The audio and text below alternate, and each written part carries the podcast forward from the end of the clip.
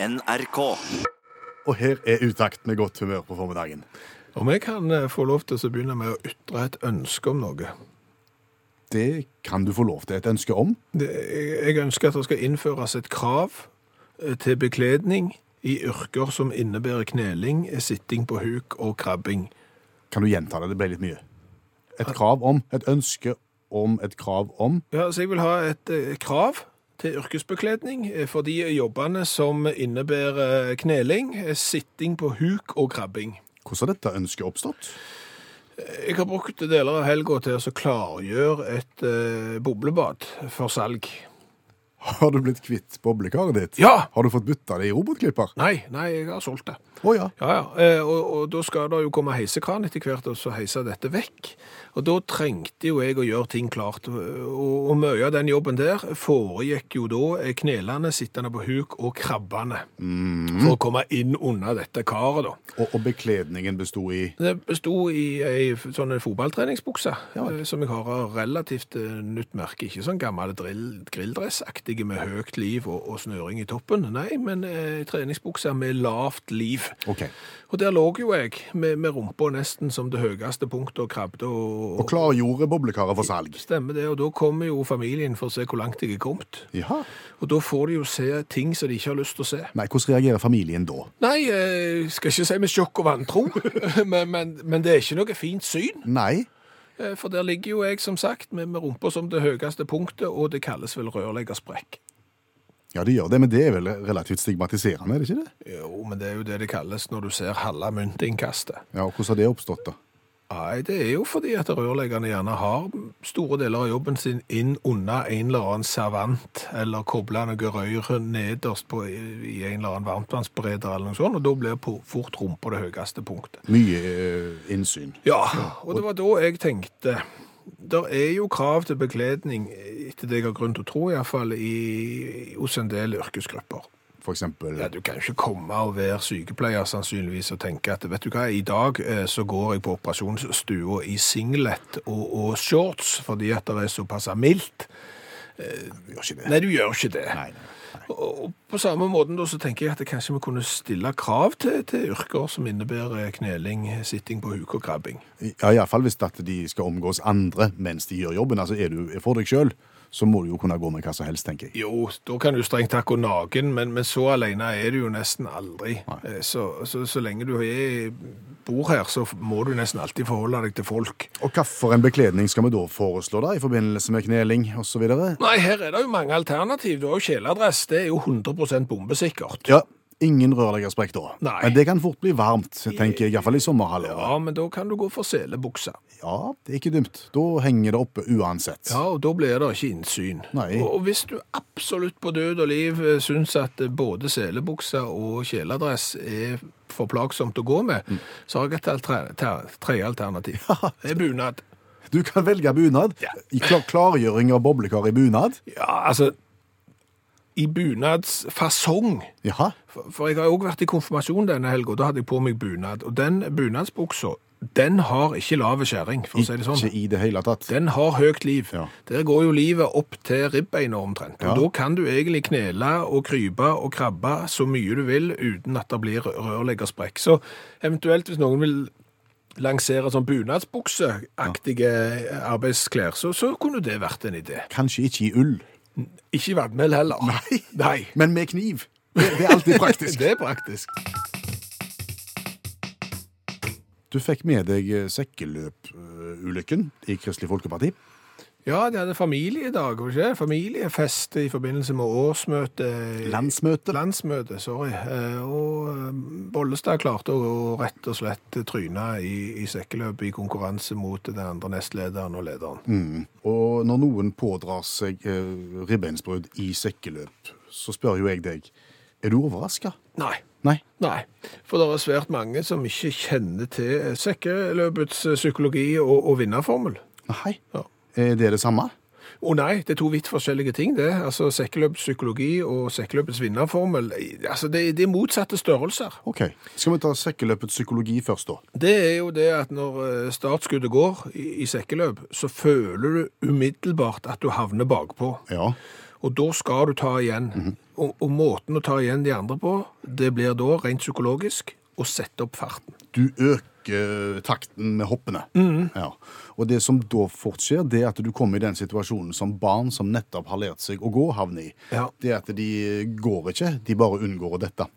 Ja, ja, De har ikke begynt å springe, liksom, men Nei. de- de bare prøver å unngå å havne på nesen. og Da setter de den ene foten foran den andre i litt hast, eh, f- fortere, og så ser det ut som de springer, helt til de detter. Nettopp. Og det er det Bollestad gjør her. Bomsi Daisy, rib- ribbensbrudd. Takk for i dag. Ja, For hun kjenner ikke til sekkeløpets vinnerformel. Nei. Og da har vi lyst til å høre om den. Ja, Den er jo helt motsatt eh, av, av det der at du må få dårlig tid. Du må tenke det at du må ha en jevn, god satsbevegelse som må innebære høyde. Å ja. høyde og fremdrift. I det øyeblikket du bare tenker fremdrift, så går du fort på nasen med ribbeinsbrudd. Du må ha høyde og fremdrift. Og så skal du ha tålmodighet, selv om du ser at de andre jager på. Så skal du på en måte gjøre dette her i ditt tempo uansett. Ja, for det at når de andre jager på, eh, så vil de sannsynligvis, eh, før de kommer i mål, gå på trynet fordi at de har satsa for mye fremover. Hvis du holder høyde og fremdrift i jevne klyv, eh, så er det stor sannsynlighet for at du kommer til å vinne. Du må stole på din egen forbel. Ja. ok. Men, men det som jo jeg syns er litt rart i, i dette med at eh, Bollestad da klarer å knekke noen ribbein på eh, KrF sitt landsmøte i, i sekkeløp, det er jo at sekkeløp da blir arrangert på et litt utypisk tidspunkt og en litt utypisk anledning, syns jeg, da. Jaha. For et sekkeløp skal jo da primært utøves eh, kun på dager med fin bekledning. Ja, stemmer. Primært 17. mai. ja.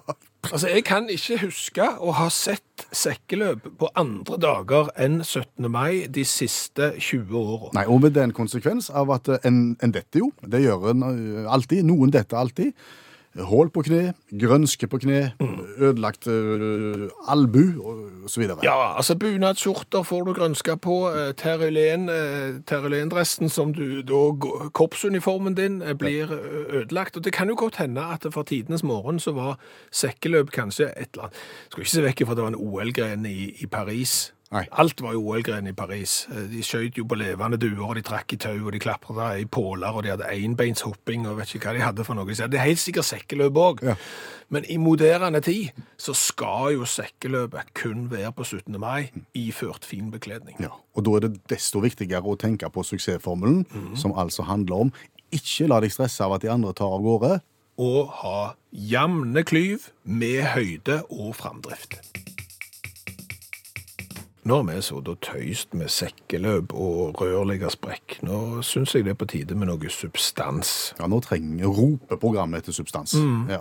En klassiker som en burde ha lest, som en ikke har lest, som en ikke har fått tid til å lese. Ja, det er mange unnskyldninger for å ikke lese bøker som vi burde ha lest, men da har jo vi et lavterskeltilbud vi kan hjelpe deg. Du kan ved hjelp av å høre på radio nå i fire minutter lære deg en bok. og framstå etterpå som om du har lest den, dersom du ikke får tid. Janne Stigen Drangsholt, forfatter og litteraturviter, tar oss gjennom en ny klassiker på fire minutter.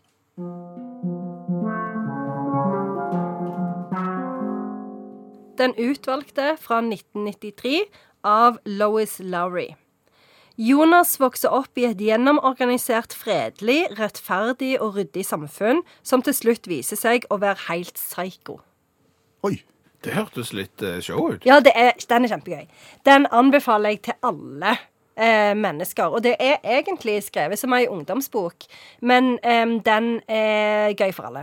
Og, og den em, eh, er den som, boka som har blitt sett på som den som starta den der dystopibølga, hvor en liksom beskriver en verden som er mye verre enn vår egen, da.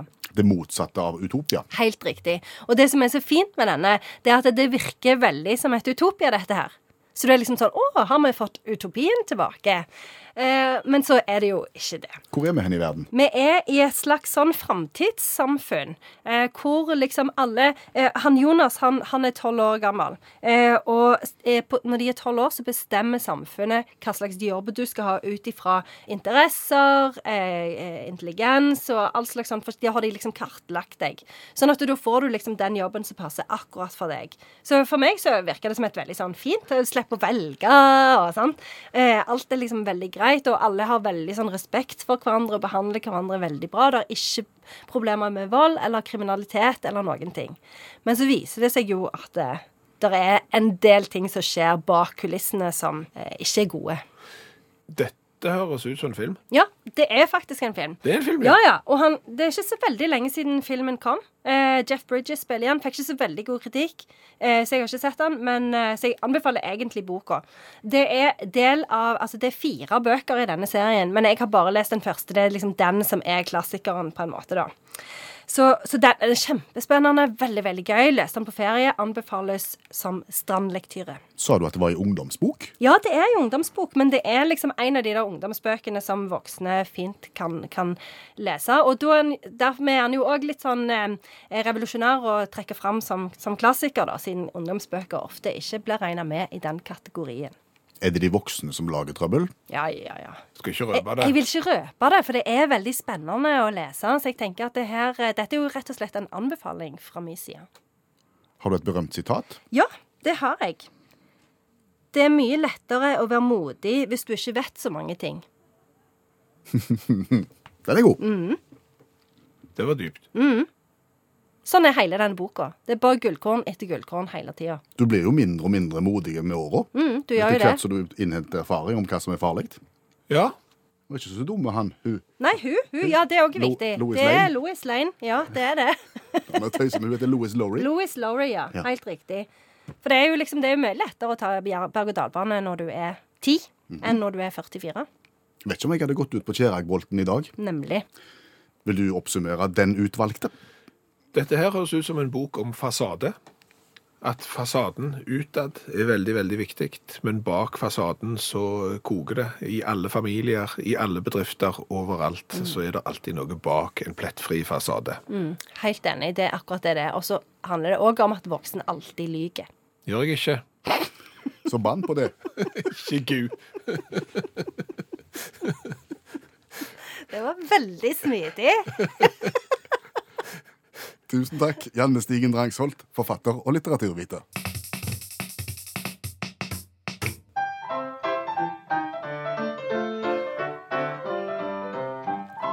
Jeg er ikke sikker på om dagens revyvise er noe for Eurovisjonen. Ja, jeg skulle ikke se vekk ifra at kanskje Utakt kunne stilt i neste års Melodi Grand Prix, den norske finalen, med en feiende flotte revyvise. Hvis det var dagens variant du skulle ha bidratt med, hva ville du sagt om innholdet da i dagens revyvise?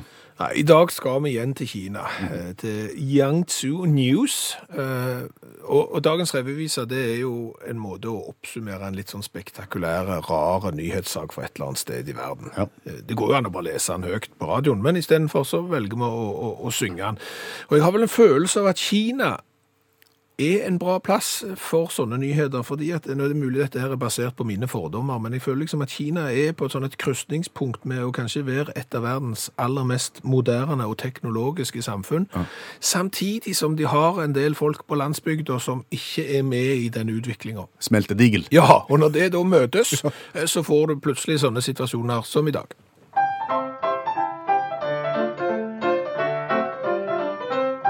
Skal du frakte en hest ifra A og helt til Å, er det mange måter du kan gjøre det på. Du kan ri, bruke vogn eller leie den og gå, men det du valgte det var vanskelig å spå. For du kunne sikkert gått en tur med hesten, men mosjon du hater, det skyr det som pesten. Så den enkleste måten det blir å kjøre bil, mens hesten leies fra baksetet mil på mil. Baksete. Ja, det er vanskelig å få rytmisk baksete til å passe inn, så det blir baksete mil på mil. Ja. Fikk vi med oss at det var eh, en mann som lufter hest med bil Ja, det gjør han. ja, i Kina. Ja, i Kina, i Yangzhou-provinsen, så er det da en mann som eh, har funnet ut at hesten har eh, kommet seg vekk, og han skal da plukke opp denne hesten hos eh, en, en kamerat, og så skal han få hesten tilbake hjem. Og det er klart at i, i de aller fleste sammenhenger da, så ville jo for eksempel hestetransport vært en god idé. Ja, eller at du hadde ridd. Ja, det kunne du òg gjort. For eksempel da på en eller annen sånn gangsti, eller gjennom et skogsholt, eller et et eller annet annet. Eh, Men denne mannen her, han valgte da å leie hesten med bil. Eh, Hvordan gjør en det rent praktisk? Da kjører du bilen sjøl, Ja. og så får du med deg en som du kjenner. Ja, Det- som sitter i baksetet? I baksetet, ja. og Som har rullet ned vinduet. Ja. Og som da har tømmene til hesten inn vinduet.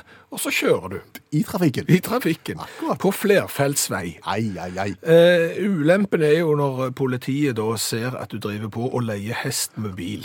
Det vil jeg ikke ha noe av? Nei, Eh, da får du bot. Eh, om lag 300 kroner får du i bot i Kina for eh, leiing av hest med- med bil. Og så må du stoppe. Ja. Ja, og venta da på hestetransport.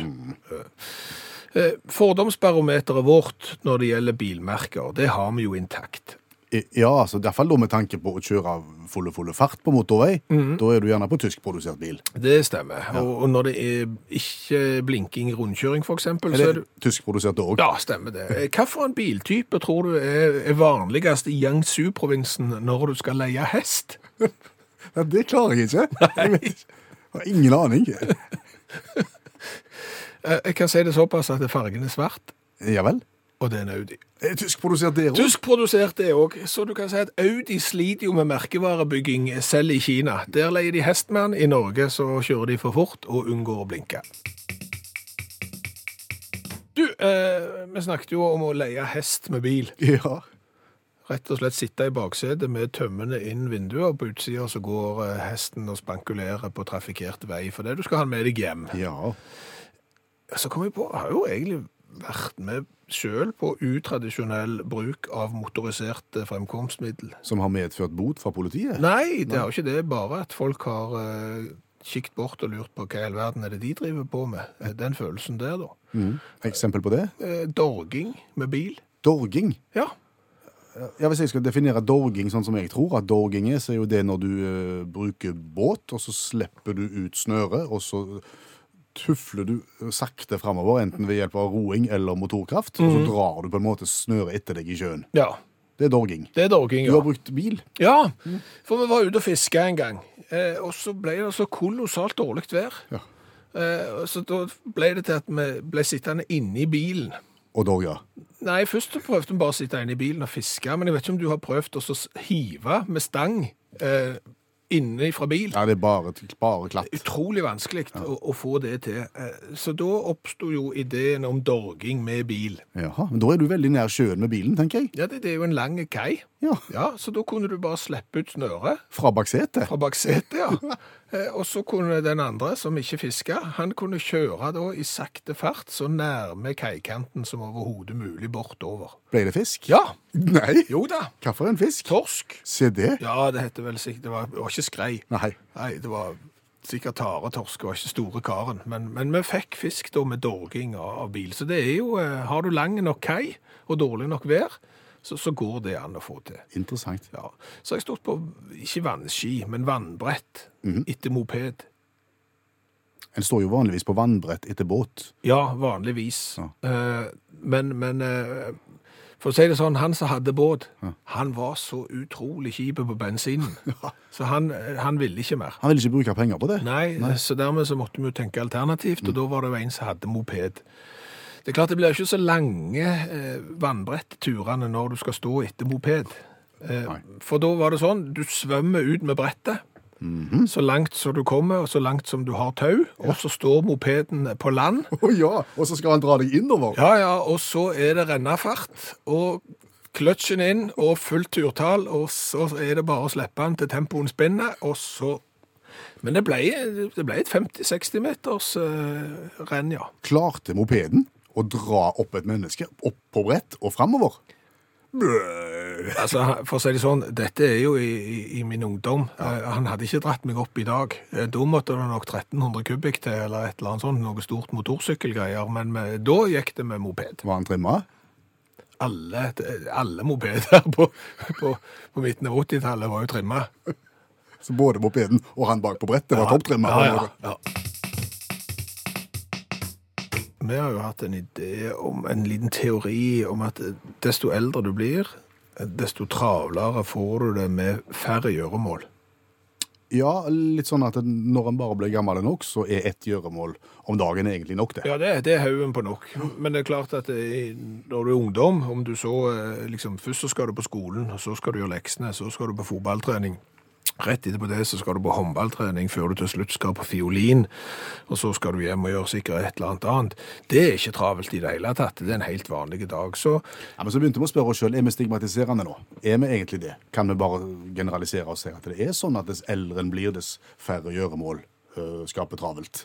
nei, så da måtte vi jo finne ut av det, da. Ja. Så da må vi gå til noen som er gamle. Ja, og, og det eldste mennesket vi, vi kjenner og omgås, det er jo bestemor mi. Mm, på 104 år og et halvt. Ja. ja. Så jeg, jeg dro til hun, jeg, og så, så lanserte jeg eh, denne teorien. Jeg har en følelse av at jo eldre du blir, jo mindre skal det tilføre at du har det travelt.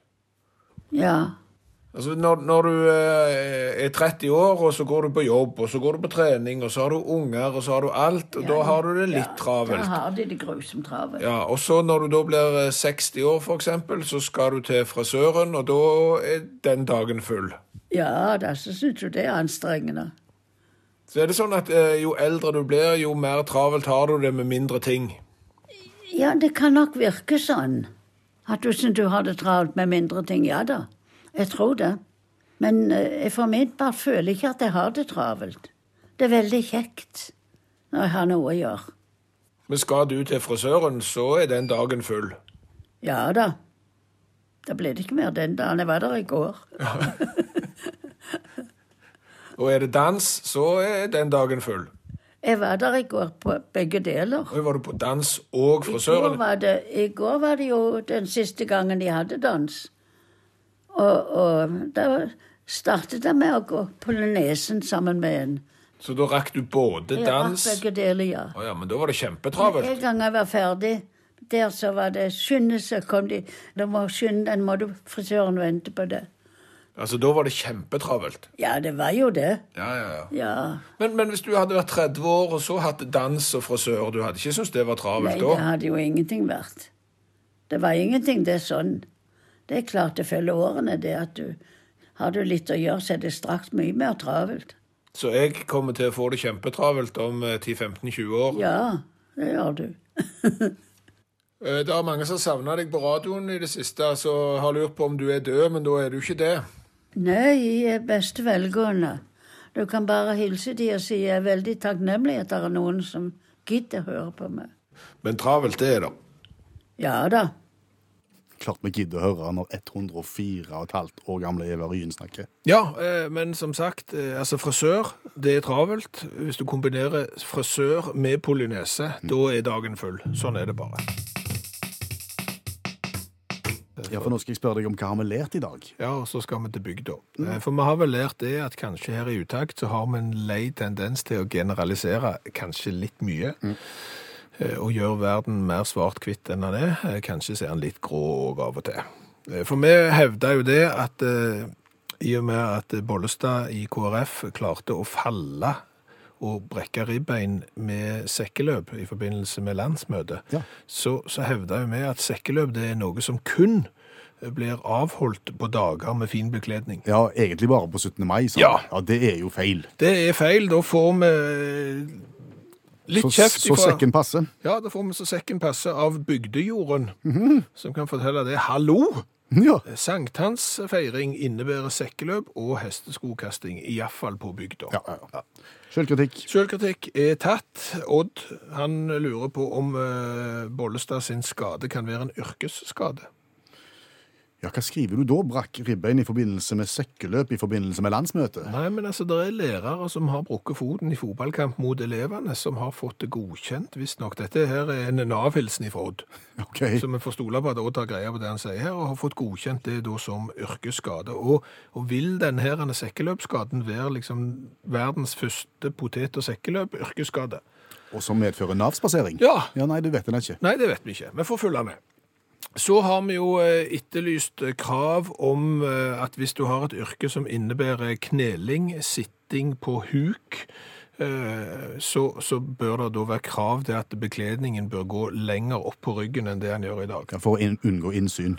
Ja, og da lanserte jo vi for eksempel den her bunadsbuksevarianten, for den er jo veldig høy i livet. Eh, Det er Einar helt imot. Hva da for? Ja, for det er den der såkalte lokabråken, som han kaller det for, er, er konstruert av fandens oldemor sjøl, Hva, mener hva han. da for? Fordi at det er så vanskelig å få den av seg når du skal på toalettbesøk. Så det er klart at eh, hvis du da har 1000 kroner timen, og så skal du på do. Eh, Ivar Åge han er rørlegger, og for noen år siden så fikk de eh, reklame-T-skjorter med ekstra langt bakstykke. Å ja. Så det er òg en løsning. Eh, Så har vi jo lært at i eh, Kina så leier de hest med Audi, men dette er ikke noe spesielt. For Thor har ei datter som slår kineserne. Hun leide da en ponni eh, helt alene i tre-fire kilometer fra bil. Altså, gjennom førervinduet. Og- og Han har tau ut vinduet og, og leide. Ja. ja. Ja. Hør flere podkaster på nrk.no podkast.